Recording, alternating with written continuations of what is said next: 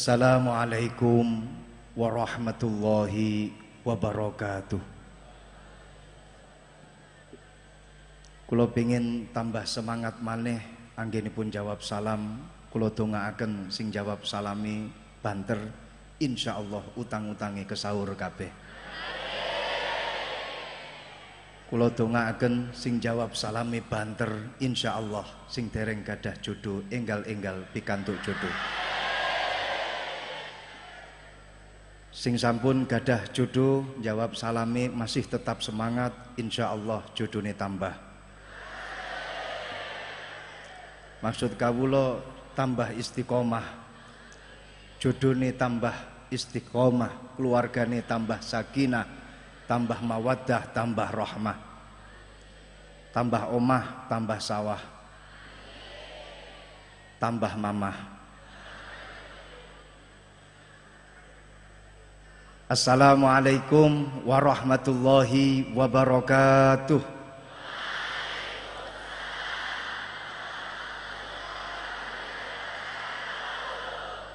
Alhamdulillah sampun banter sedaya anggenipun jawab salam niki berarti sing rawuh rata-rata utange akeh kabeh. Bismillahi amantu billah tawakkaltu 'ala Allah. Mboten wonten satu ucapan yang patut untuk saya sampaikan di majelis ini kecuali saya hanya tawakal kepada Allah.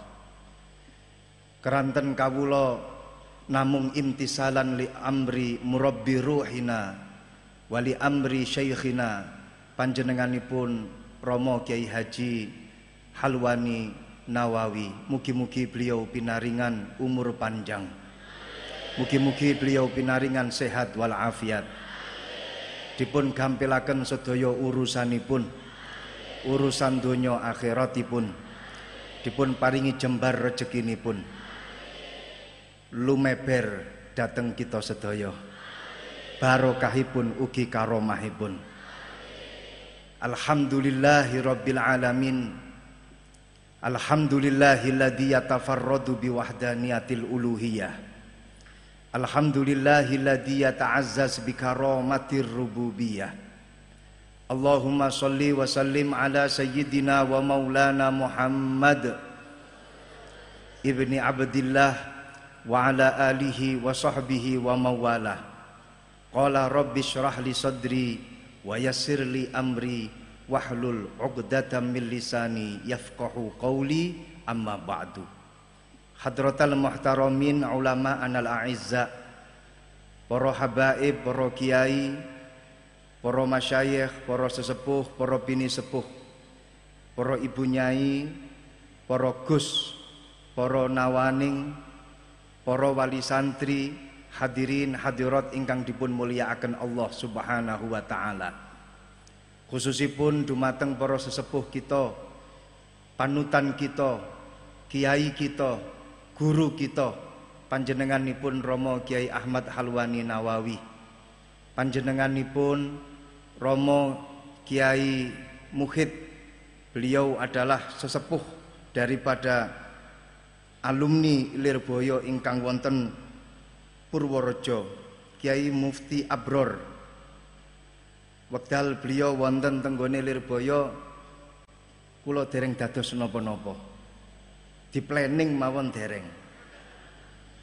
Panjenenganipun Kiai Ja'far Samsudin panjenenganipun Romo Kiai Abdul Jalil panjenenganipun Romo Kiai Hamid Ketua NU Purworejo panjenenganipun Bapak Bupati atau yang mewakili panjenenganipun Akhinal Karim Bapak Agus Unit Ketua Pengadilan Agama Purworejo sedaya para kiai para alim ulama ingkang boten saged kawula sebat asmonipun setunggal setunggalipun Bapak pejabat pemerintah TNI Polri maupun sipil wonten Bapak Kapolres atau yang mewakili Bapak Dandim atau yang mewakili Bapak Camat, Bapak Lurah, sedaya kemawon para rawuh kula wonten teng mriki panggenan niatipun estu tabarukan bihadal ma'had. Saya hanya tabarukan dengan pondok pesantren Nawawi Merjan. Kemutan wau nopo ingkang dipun dawuhaken kalih panjenenganipun Romo Kiai Halwanin bahwasanya dulu Mbah Kiai Mahrus Simbah Kawulo pernah berdoa di sini dan mampu doanya tersebut diijabahi oleh Allah sehingga mampu pondok pesantren meniko berkembang sedemikian rupa maka saya hadir ke sini dalam rangka untuk kula suwun malih niku pripun seumpama dongane Mbah Mahrus supados kula saged ketularan kados Mbah Kiai Halwani mugi-mugi kawula saged ketularan tabarukan kalih nopo ingkang sampun kalempahan kalih Mbah Kiai Halwani. Kemutan kalih nopo yang pernah dilakukan oleh Taqiyuddin Asubki. Imam Taqiyuddin Asubki pernah mendengar nama seorang alim alama. Beliau adalah Imam Syaraf ibn Yahya An-Nawawi, saking Syria. Taqiyuddin Asubki terus pada akhirnya sowan datang Mbah datang Syekh Nawawi. Ketika beliau sampai di Syam, ketika beliau sampai di Syria, masuk ke pondok pesantrennya Imam Nawawi dipun sambut kalih santri-santri ini pun. Para santrinya kemudian bertanya, panjenengan mau mencari siapa? Saya mau sowan ke Syekh Nawawi. Telat Loh kok bisa telat? Beliau sudah wafat, baru saja beliau sudah wafat. Getun Imam Taqiyuddin Asubki. Kemudian beliau bertanya kepada santrinya, tempat mana yang dulu sering dibuat untuk takorup kepada Allah oleh Imam Nawawi. Ditunjukkan oleh santrinya. Di sini beliau dulu Syekh Nawawi sering bermujahadah, munajat, takarub kepada Allah.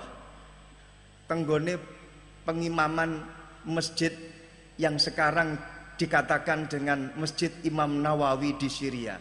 Di situlah Imam Taqiyuddin As-Subki diusek-usek niku lantai ini. Kemudian Taqiyuddin As-Subki melakukan sholat sunnah sebanyak-banyaknya di tempat itu.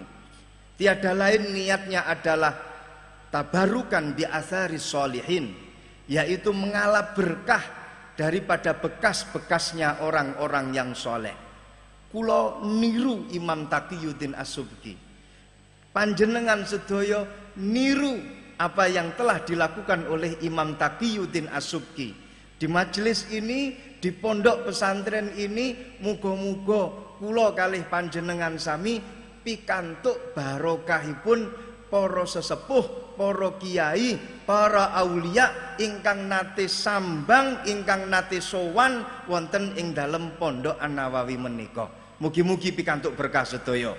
Amin ya robbal alamin. Ingkang kaping kalihipun tiada lain saya ingin mengucapkan what I'm to what I'm going to say in this forum is congratulations for all graduated from this Islamic boarding school. Di mana pun saya berada dan di mana pun acara bersama dengan para doktor, kalau saya bukan dokter, saya ini adalah dokter alias mondok di kantor. Karena sering berada di kantor, akhirnya disebut sebagai dokter.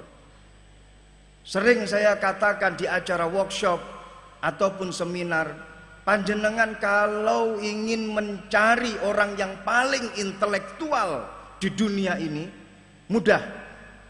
Tempatnya mudah, orangnya juga mudah untuk ditemui. Siapa?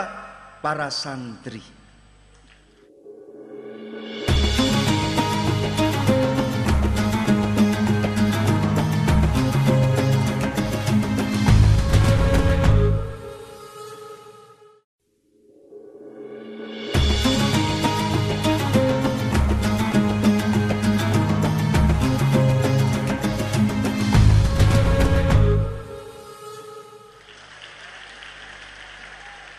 Loh mereka ketika awal mendengar kok bisa santri itu disebut sebagai orang yang intelektual karena santri itu sudah menepati syarat-syarat intelektual.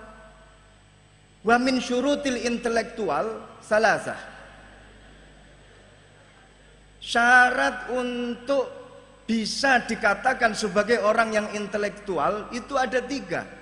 Ini menurut seorang ulama yang namanya adalah Jacques West dari Prancis. Dia mengatakan begini, intellectual person who engage in critical thinking, research and reflection about society. Gus Maulana paham betul? Paham nggih? Kula maknani, intellectual person utawi wong kang den arani wong kang pinter. Iku hu wong mausul. Alladhi. Engage kang manjing sapa hu. In critical thinking ing dalam pemikiran kang kritis. Reflection taukid niki napa namine? Niki sebenarnya atof tapi wawune dibuat jadi wawu atof ini mahdzuf. Research and penelitian utawa penemuan utawa pengalaman and reflection about society. Lan mikir-mikir ing dalem sekabehane perkara umat. Tiga syarat ini sudah masuk di dalam santri. Satu, santri harus memiliki pemikiran yang kritis. Santri itu Masya Allah Makhluknya Allah yang paling kritis Itu adalah santri.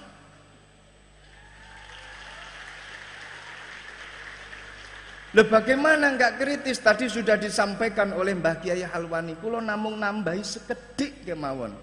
Sejatosipun mau'idatul hasanah al-uzma Itu sudah disampaikan oleh Mbah Kiai Halwani. Kulo namung nambahi sidik mawon Dados panganan sing paling utama niku sampun panjenengan dahar. Panganan ingkang sampun kaaturaken dening panjenenganipun Mbah Kiai Halwani. Lah kula niki namun tandukane mawon. Biasane niku wong lek mangan tanduk iku luwih titik daripada mangan sing utama. Lek teng-teng Purworejo pripun? Nek ngoten to nggih. Sami Enek mangan sing keloro tambah akeh gragas jenenge. Jadi santri tadi sudah disampaikan oleh beliau Wujud-wujud daripada santri ini dari penilaian yang sangat objektif Dawes Dekker dan lain sebagainya Menilai tentang pondok pesantren Itu wujud daripada pemikiran kritisnya para santri Nah, faktor santri itu bisa kritis karena ketika dia berada di pondok pesantren, salah satu faktornya adalah dia sering hidup dalam keadaan terpepet. Niki salah satu faktor orang itu bisa kritis. Jenengan tingali tenggone cabang ilmu psikologi. Orang ketika terpepet maka akan muncul pikiran-pikiran kritisnya. Dan itu semuanya di bawah alam sadar mereka. Lo santri itu karena sering terpepet, akhirnya dia terbiasa dengan pemikiran-pemikiran yang kritis. Contoh, contoh kecil. Sering terlambat kiriman dari orang tua. Leres nama mboten? Baru saja dikirim oleh orang tua 500 sewu per bulan. Satu bulan 500 ribu. Pada hari pertama 350 ribu dibayar untuk eh, dibuat untuk membayar utang-utang bulan yang kemarin. Sehingga dia ngantongi 150 ribu. Pada hari kedua dia dipalak oleh teman-temannya untuk mayoran. Habis sudah 100 ribu tinggal 50 ribu. Hari ketiga Alhamdulillah berkurang 25 ribu. Hari keempat Habis sudah kiriman dari orang tua. Sisa hidup 26 hari ke depan.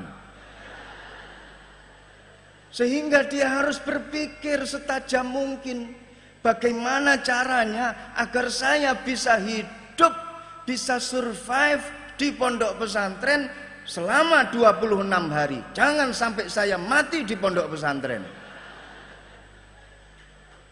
Lu selama 26 hari itu akhirnya mereka berpikir daripada mati sebaiknya saya harus melakukan hal-hal yang bisa membuat saya hidup. Suket dibabati dimasak jadi sop. Karena kepepet pada akhirnya pengen mangan daging sandal jepit diketoi jadi cecek itu masih mending daripada kepepet nggak bisa hidup. Ayamnya kiai keluyuran masuk ke dalam kamar sikat. Saya tadi baru diceritai oleh Kiai Aziz ternyata beliau pernah berhutang beberapa ayam ke Mbah Kiai Mahrus Untung mas saya ada di sini kalau nanti saya pulang dibawai ayam berapa yang panjenengan beleh? Siap saya bawa ke Kediri. Itu katanya ada yang lebih parah lagi. Kambing masuk ke kamar sikat. Dengan satu dalil kiai mesti ridho.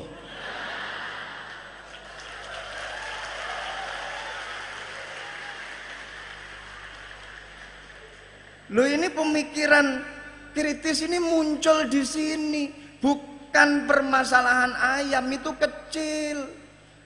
Bukan permasalahan kambing itu kecil. Malah terbiasa kalau waktunya pohon mangga berbuah, gayanya disenggol dul.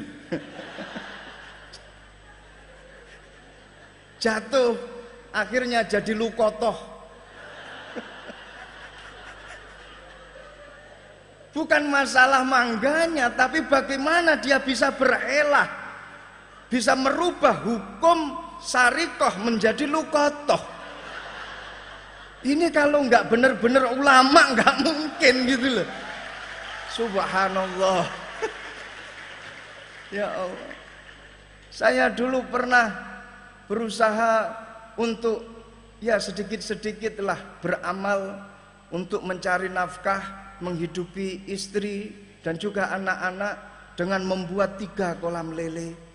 Alhamdulillah kolam lele saya banyak.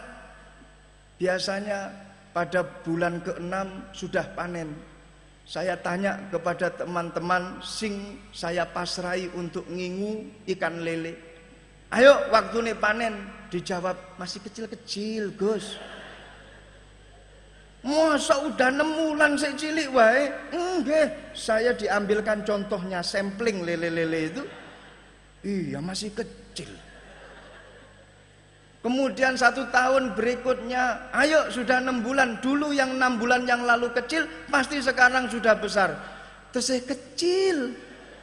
Masa iya samplingnya mana? Diambil masih kecil. Ternyata yang besar-besar sudah habis duluan.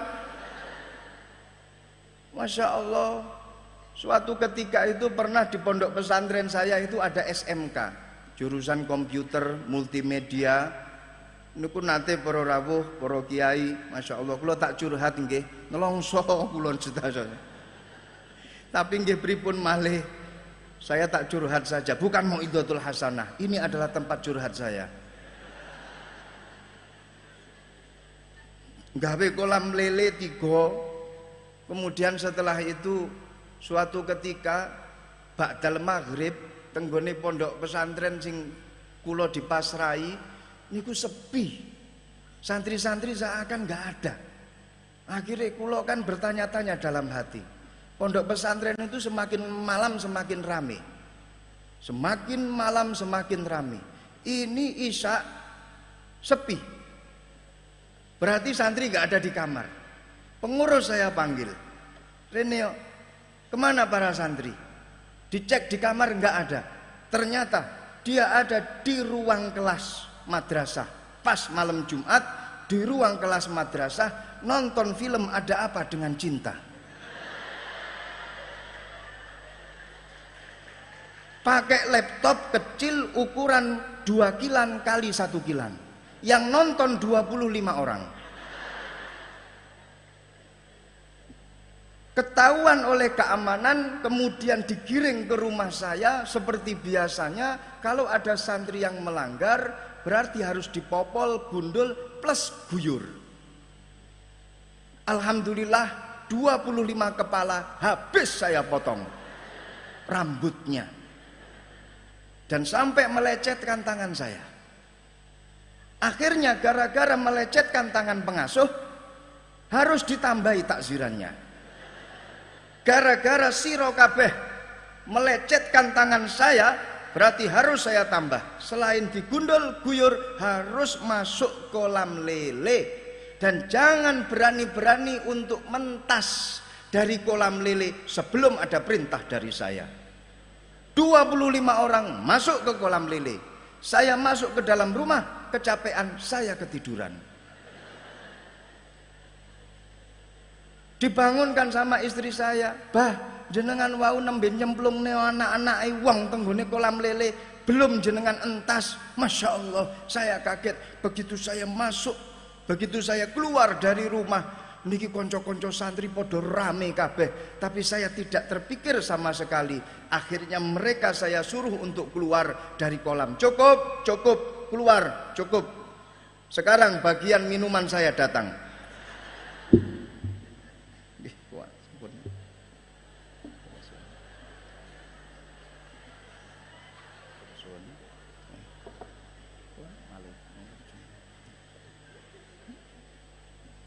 Pun saya suruh keluar. 15 menit berikutnya Masya Allah pondok pesantren sudah enggak sepi lagi. Berubah jadi pasar Asap ngepul ke mana-mana. Saya kaget Iki pondok kebakaran Pondok kebakaran. Keluar saya dari rumah Saya tanya pengurus Ada apa kok kebakaran pondok pesantrennya? Nganu ngapunten Konco-konco bakar lele jadi ketika dia berada di kolam lele, dia sempat mengambil lele-lele saya, dilempar keluar dari kolam. Saya tidak terpikir lelenya karena sudah dibakar. Tapi yang saya pikirkan adalah, Masya Allah begitu hebatnya santri. Berpikiran kritis. Bisa mengambil kesempatan di segala kesempitan. Lu niki lo. Makanya poros santri keluar dari pondok pesantren segala permasalahan masyarakat insya Allah santri siap untuk menjadi pengayom-pengayom dan mencarikan segala solusi untuk masyarakat. Ini santri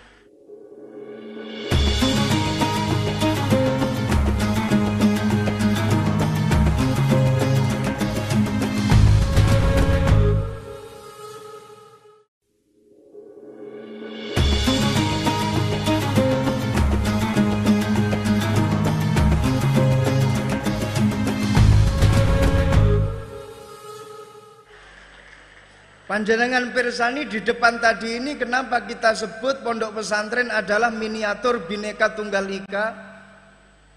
Tadi disebut dari Lampung ada Lampung Timur, Lampung Barat ada dari Jawa ada dari Madura ada suku Bugis, ada suku Dayak, ada suku Batak, ada semuanya ada. Sehingga konco-konco santri setiap hari itu kumpul dengan teman-temannya yang berbeda suku. Sing Jawa sering kumpul karo wong Dayak. Sing Madura sering kumpul dengan orang Sunda. Bahkan sampai diteruskan sing Sunda besanan karo sing Madura. Sing Madura ijol-ijolan adik karo sing Dayak. Setiap hari berinteraksi antar suku.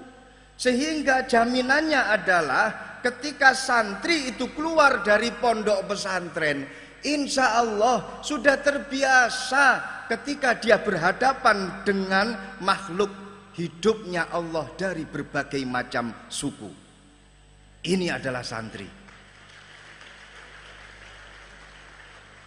Dan tidak cuma itu toh ketika berada di pondok pesantren para santri ini juga berinteraksi dengan mereka-mereka yang strata sosial ekonominya itu berbeda-beda. Ketika di pesantren kumpul karo koncone sing suge, akeh. Kumpul dengan koncone sing melarat, akeh. Kumpul dengan koncone sing kadang suge, kadang melarat, akeh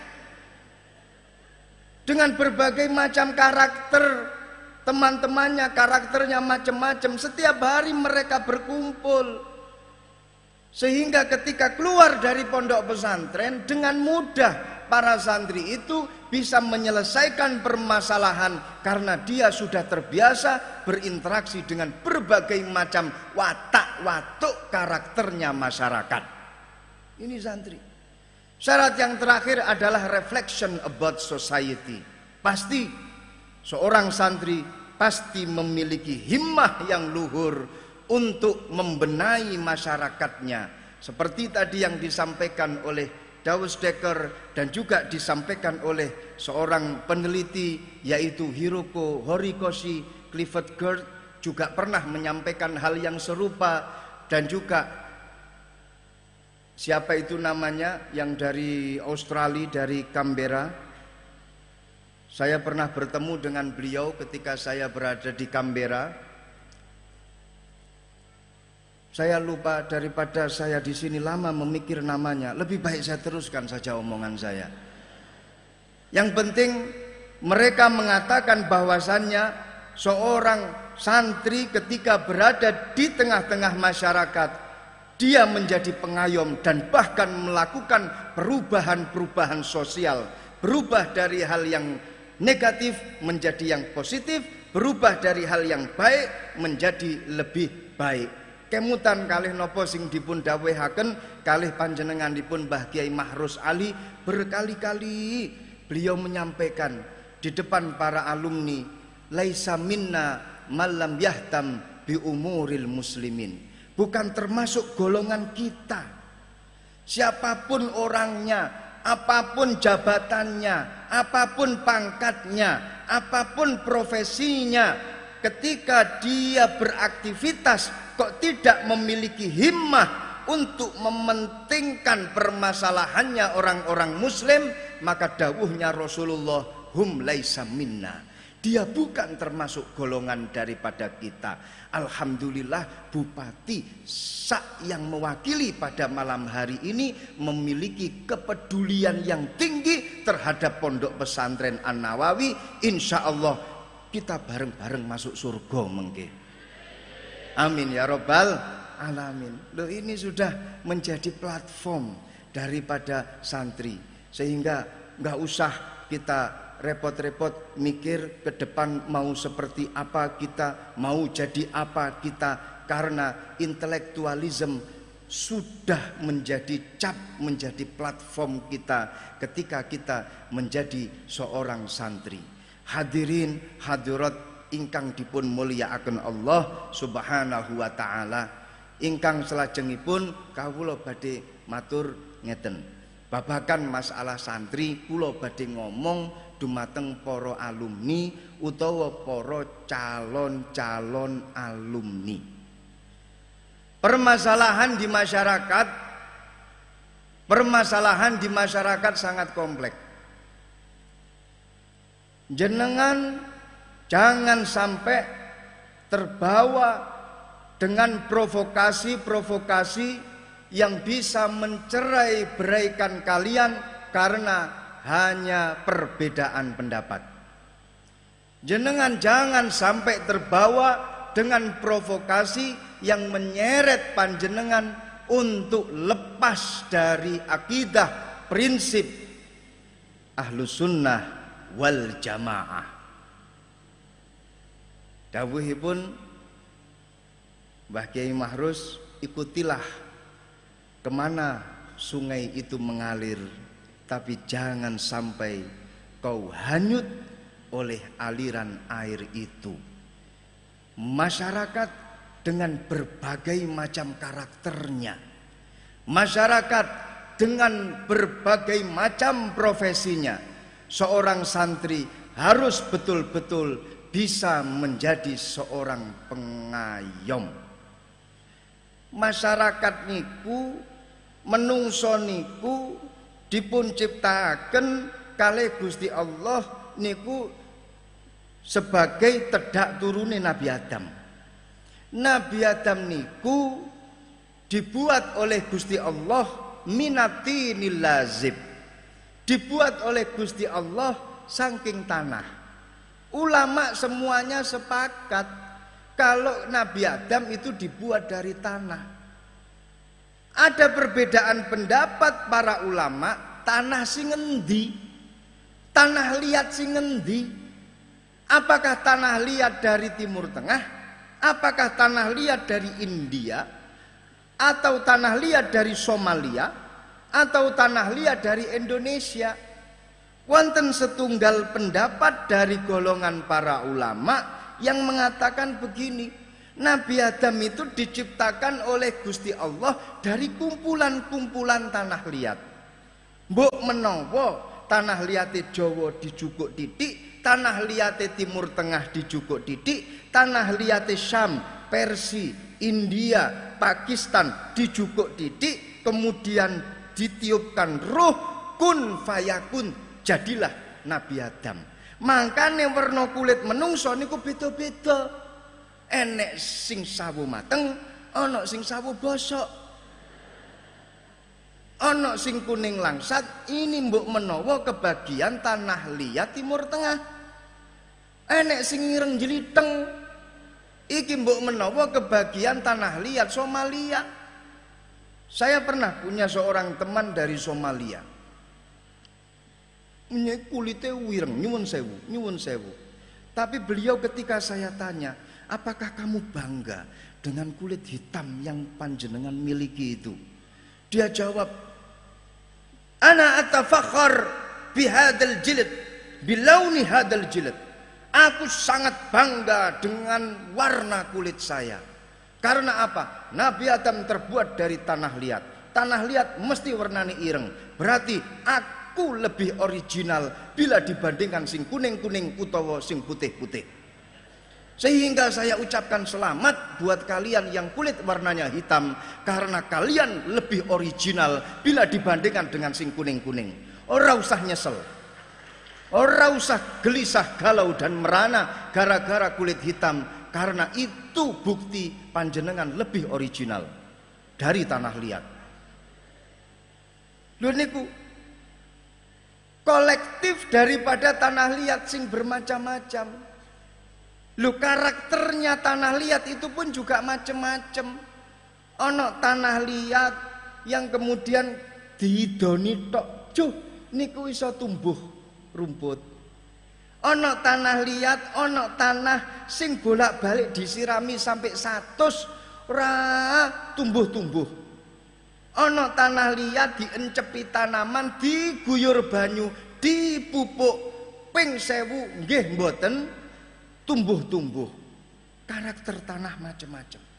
Jangan kalian mencoba-coba untuk tan untuk tanam pohon pisang di Saudi Arabia. Mustahil. Karena tanahnya beda. Jenengan juga jangan coba-coba untuk menanam korma di tanah Jawa Mbok menawa tumbuh tapi gak uwoh. Karena karakter tanahnya beda. Makanya karakter manusia itu pun juga berbeda-beda. Enek uang sing dikandani ping sewu gak mudeng-mudeng. Enek uang sing dikandani ping satus nembe mudeng. Yo enek uang sing dikandani nembe ping sepisan langsung mudeng. Ada juga orang usah dikandani. Hanya dikasih isyarat. Niku langsung mudeng. Niki karakter masyarakat besok yang kalian hadapi ini semacam ini. Lo kalian harus siap dengan berbagai macam karakter tanah.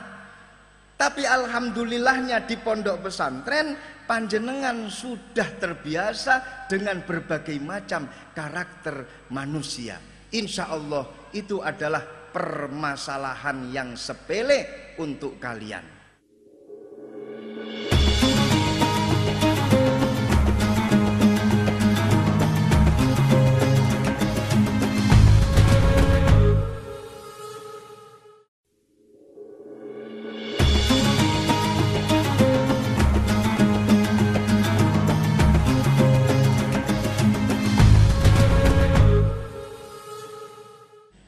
Jenengan para alumni pondok pesantren yakin sak yakin yakin besok tenggone akhirat awake dhewe niki dipun syafaati kalih para ulama, kalih para kiai yang sanatnya nyambung sampai sampai Kanjeng Nabi Muhammad sallallahu alaihi wasallam.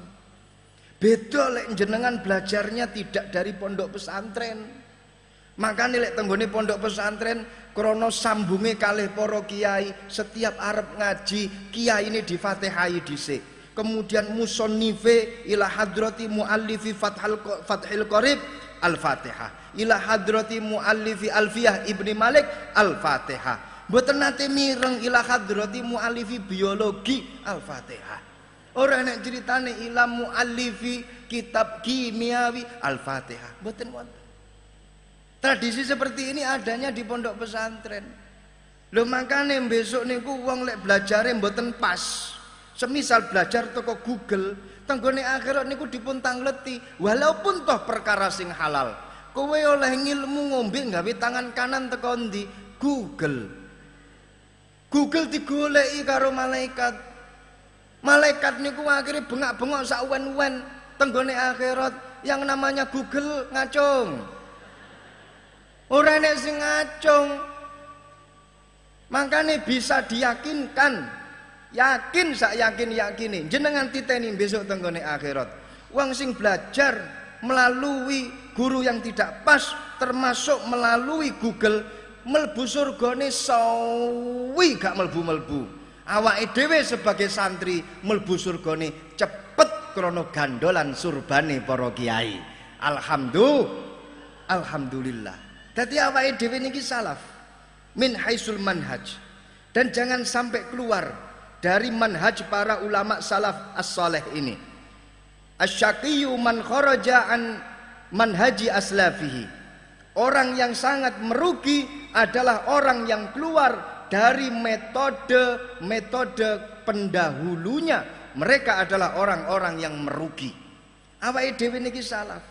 Krana guru-gurune awake dhewe niki sambung sampai Kanjeng Kanjeng Nabi. Ilmune awake dhewe sambung sampai Kanjeng Kanjeng Nabi salaf awake dhewe niku.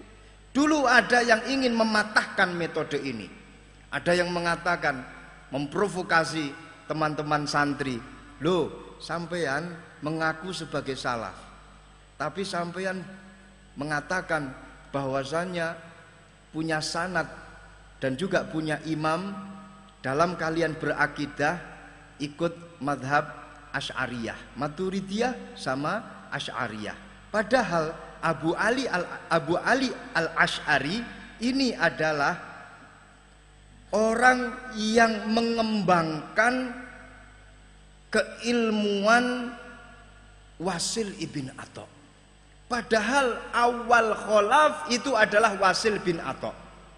Awal kholaf itu adalah Wasil bin Atok. Wasil bin Atok ini adalah murid daripada Imam Hasan Basri. Abu Ali Al-Ash'ari ini adalah murid daripada Abu Ali Al-Jubai. Sebelumnya beliau belajar kepada Abu Hashim Al-Jubai. Kemudian atasnya lagi adalah Hudzail Al-Alaf. Kemudian atasnya lagi adalah Ibrahim An-Nadzam. Kemudian atasnya Wasil bin Atok dan atasnya lagi adalah Imam Hasan Basri. Sampaian mengaku sebagai salaf, tapi kok ikut akidah Asy'ariyah padahal itu adalah murid daripada Wasil Wasil bin Atok. Imam Asy'ari ini sudah keluar dari Wasil bin Atok. Imam Asy'ari ini sudah keluar dari pemikiran kholaf, pemikiran Mu'tazilah. Sehingga masih tetap original, tidak ada pengaruh kholaf tidak ada pengaruh katakanlah dengan bahasa sekarang adalah liberalisme yang mana pemikiran-pemikiran tersebut dikembangkan oleh Fazlur Rahman dari Pakistan dikembangkan oleh Muhammad Abduh yang ada di Mesir. Ini kita keluar dari itu semua nggak ada sangkut pautnya dengan kholaf.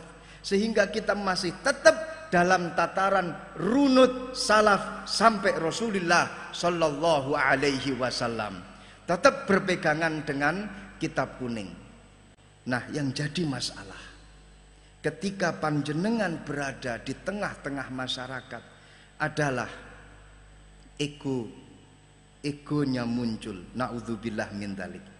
Egonya muncul takaburnya muncul. Sebagai umat nabi jauhilah sifat takabur. Sebagai umat nabi kita mulia karena kita menjadi umatnya Nabi Muhammad. Jangan sampai takabur. Ngeten lho para rawuh. Awake dhewe niki kan mulya niki gara-gara dadi umat Kanjeng Nabi. Kita ini apa? Kita ini terbuat dari nenek moyang kita tanah liat. Lek awake dhewe niki teko mani sing diguak nang dalan wong arepe ngidek e jijik. Niki kemudian jadi kita. Mboten wonten napa-napa. Tapi kita mulia ini gara-gara menjadi umatnya kanjeng Nabi. Coba jenengan persani piyambak. Al-Imam Umar ibn Hasan Al-Khobawi. Niki dawuh ngeten. innallaha setuhune Gusti Allah ja'ala ummata Muhammadin ndadekake umat Kanjeng Nabi Muhammad du'afa. Allah niki ndadosaken umat Kanjeng Nabi awake dhewe du'afa lemah lemes gak duwe daya. Nembe umur seket demek bojone wae sewulan pisan. Nembe umur seket lali karo bojone malah kelingan karo bojone tonggo wis lemes. Kenapa Allah menjadikan kita ini dhaif? Hatta yakuna la yatakabaru. Sehingga mboten sombong. Jadi lek enek umat Kanjeng Nabi niku kok sombong? Niki berarti umat Kanjeng Nabi sing raine rai ged gedek Mboten pernah mirsani kados Sam'un tenggone Nabi Musa begitu dahsyatnya dalam bertakarub kepada Allah petung puluh tahun. Takarub datang Gusti Allah tanpa libur tanpa prei tanpa mulih tanpa boyong. Tetap bertakarub datang Gusti Allah. Niki.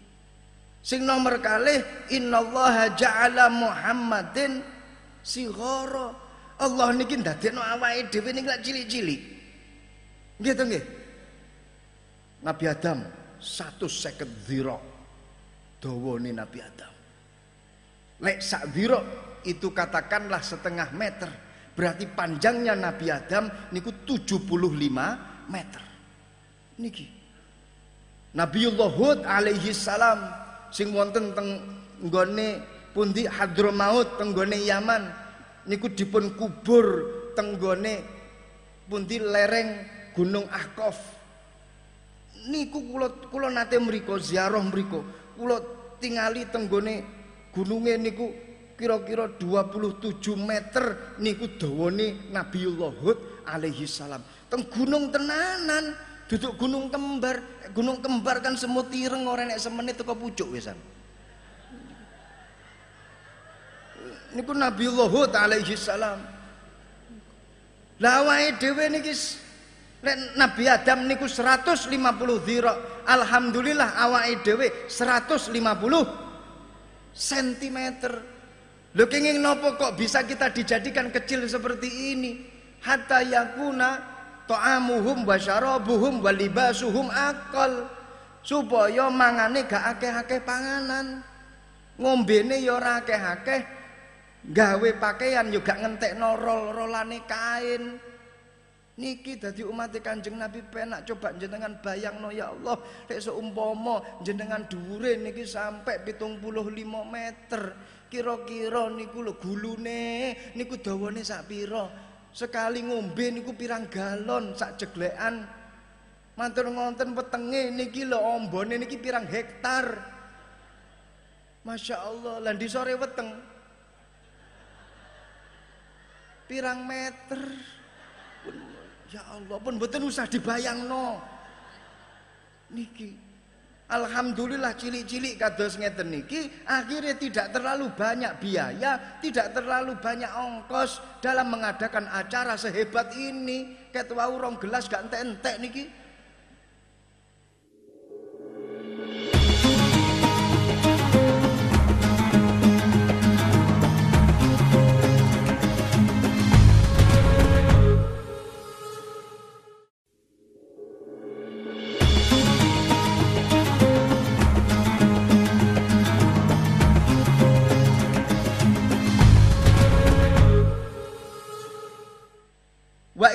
Allah ja'ala ummata Muhammadin fi uh, wa inna Allah ja'ala ummata Muhammadin fuqara. Allah niku ndadekno awake dhewe niku fakir-fakir. Kiri-kiri. Ora duwe napa-napa. Nabi Sulaiman gawe pondok niku Masya Allah lepoane emas. Tenggone ndukure niku, tenggone ndukur tembok niku dipasang mulai zamrud, kemudian berlian, ke ulu macan bacan niku mboten kanggo. Permata-permata kabeh. Nabi Sulaiman kursine teko emas jenengan tingali korun sing urip tenggone zamane Nabi Musa. Sendale niki lho teko emas sendale santri berjan jepit ulak-walik bisa beda warna pisan. Niki Kenapa kita diciptakan seperti ini? Hatta yaguna hisabuhum akal supaya hisabe besok tenggone akhirat niki gak suwi-suwi. Dadi awake dhewe besok ketika ada di akhirat ditanya oleh malaikat, "Kowe umate sapa?" Umate Kanjeng Nabi. Allah paling dalam hitungan menit langsung dikongkon melbu plung tenggone surgane Allah. Lek sampean takon tenggone malaikat, "Kenging napa kula kok cepet melbu surga?" Lah kowe umat Muhammad melarat gak duwe apa-apa. Sing arepe tak hisab iki apa? Ora enek. Alhamdulillah. Sing ngomong alhamdulillah tak dongakno melarat kabeh. Insyaallah pinaringan rezeki jembar. Wa inna Allah ja'ala Muhammadin fi akhir zaman. Allah niku ndadekake umate Kanjeng Nabi Muhammad niku tenggone akhir zaman. Ngoten. Kenging napa supaya mboten suwi-suwi tenggone kuburan. Makanya awake dhewe niki besok ketika dipendem dalam jangka hitungan tahun kiamat sudah dekat trompet kiamat ditiupkan awake dhewe keluar lagi bangkit lagi dari kuburan. Saya tidak bisa membayangkan kalau kita hidup di zamannya Nabi Adam. Ya Allah kenging nopo rasane tenggone kuburan jutaan tahun lamanya. Mungkin kita sudah jadi batu berlian yang dipakai oleh orang-orang. Atau kita jadi bensin sing dadi BBM mobil. Awake dhewe alhamdulillah nembe dipendem terus kemudian langsung kiamat direalisasikan kita keluar dari kuburan alhamdulillah alhamdulillah mboten usah takabur ketika di tengah-tengah masyarakat ketika panjenengan takabur di tengah-tengah masyarakat dengan ilmu yang kalian miliki maka itu namanya al ilmu hijabun bainaka wa baina rabbik Kula mireng dipun kandhani kados ngeten iki kali Mbah Kiai Ahmad Asrori Ibn Usman Al Ishaqi. Beliau dawuh ojo sampai ilmu dadi hijab, dadi penghalang antara kamu dengan Tuhanmu. Kula pertama kali mireng dawuhipun beliau kok iso ilmu dadi hijab, ilmu jadi penghalang antara kita dengan Tuhan kita. Biasanya kan ilmu sebagai wasilah untuk kita mengetahui Allah. Laula murabbi kalau seandainya tidak ada orang yang memberikan kita ilmu kalau tidak ada guru, kalau tidak ada orang yang mendidik kita, maka kita tidak akan bisa tahu tentang sifat, tentang keesaan Tuhan kita. Lah kok iki enek satu kaidah beliau mengatakan ilmu bisa menjadi hijab penghalang antara dirimu dengan Tuhanmu. Kalau tangklet akhirnya. Contohnya apa? Ilmu itu biasanya malah menjadi wasilah kita, media untuk mengetahui Tuhan kita. Tidak selamanya ilmu menjadi media, malah justru bisa menjadi hijab. Contohnya apa? Contohnya wong mari pidato wong mari ngekei acara seminar orang setelah memberi acara ceramah orang setelah memberi materi-materi kemudian setelah dia memberi materi dia mengatakan iki lo aku lihat semua orang terpana kepadaku Lihat semua orang menangis gara-gara ceramahku. Ini adalah wujud ilmu bisa mengantarkan kepada takabur. Ilmu bisa menjadi penghalang antara dirimu dengan Allah Subhanahu wa taala. Ketika panjenengan keluar dari pondok pesantren, lah kok malah takabur, lah kok malah sombong, maka ilmu yang kalian dapatkan bukan ilmu manfaat, itu namanya adalah ilmu yang menghalangi kalian dengan Allah Subhanahu wa taala. Rumiyin Syekhul Islam Zakaria Al-Ansori pengarang kitab Fathul Wahab niku tahu maca kitab cilik. Tenggone ngarepan omah salah satu murid senior beliau salah satu santri senior beliau niku lewat. Delok gurune Zakaria Al Ansori nyekel kitab cilik katakanlah fikih mabade katakanlah safinatun najah murid senior ini masya Allah di dalam hatinya itu bilang loh guruku kok nyekel kitab cilik toh padahal aku nanggone pondok ngajar Fathal Mu'in lah kok guruku nyekel Safinatun Najah. Wah ini kalau nggak diingatkan bisa-bisa orang tahu terus menurunkan grade atau menurunkan derajat daripada pondok pesantren kita daripada murid-murid beliau. Harus saya ingatkan. Dielengno kali muridnya, ya Syekh, panjenengan niku lho Syekhul Islam. Panjenengan itu mendapatkan gelar Syekhul Islam. Tapi kenapa panjenengan itu malah membaca kitab kecil? Malu sama orang-orang. Nanti dikira apa dan apa kata dunia. Mbok yaunya kalau kitab sing gede, itihaf, mughnil muhtaj, sing gede-gede ngoten lho. Bidayah wan nihayah. Gede ngoten nyekel kok Safina didukani oleh Syekhul Islam Zakaria Al-Ansori. Awakmu gak ngerti apa-apa. Wasaltu fi hadhil martabah biwasilati hadhil martabah. Aku isok disebut seperti itu. Saya bisa sampai seperti ini. Yo gara-gara kitab cilik. Gara-gara kitab sing cilik-cilik iki. Yo kudu dihormati. Makanya para rawuh Mbah Kiai Abdul Karim Muazzis Pondok Pesantren Lirboyo menurut satu kisah, menurut satu riwayat, beliau tidak pernah sare dalam keadaan sengaja amdan, tidak pernah sare dalam kondisi nawaitu tiduran lillahi taala. Kenapa? Karena beliau kalau sare dalam posisi dengan berbagai macam posisi di tangannya selalu pegang kitab. Kitab cilik, kitab gede dicekel kali Mbah Kiai Abdul Karim. Beliau menurut sejarahnya setiap kali mau mengajar pasti memutolaah. Pasti mau memutolaah walaupun toh yang akan diajarkan itu jurumiyah. Ngajar jurumiyah tetap buka kitab jurumiyah dimutolaah terlebih dahulu.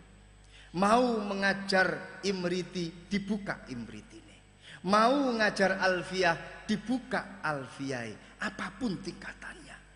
Niku Mbah Kiai Abdul Karim. Lek sare niku mesti gawe cekelan kitab cilik kitab gede berarti ini menunjukkan kalau beliau tidur dalam keadaan tidak sengaja alias keturun. Mirip dengan kita. Kalau tidur mesti keturun, tapi tenggone tangane awake dhewe iki mesti cekelan HP. Beda titik, cekelane mawon sing beda. Para rawuh hadirin hadirat ingkang dipun mulyakaken Allah, mila eh, Syekh Sayyid Muhammad Alwi Al-Maliki dawuh sabatul ilmi bil mudzakarah.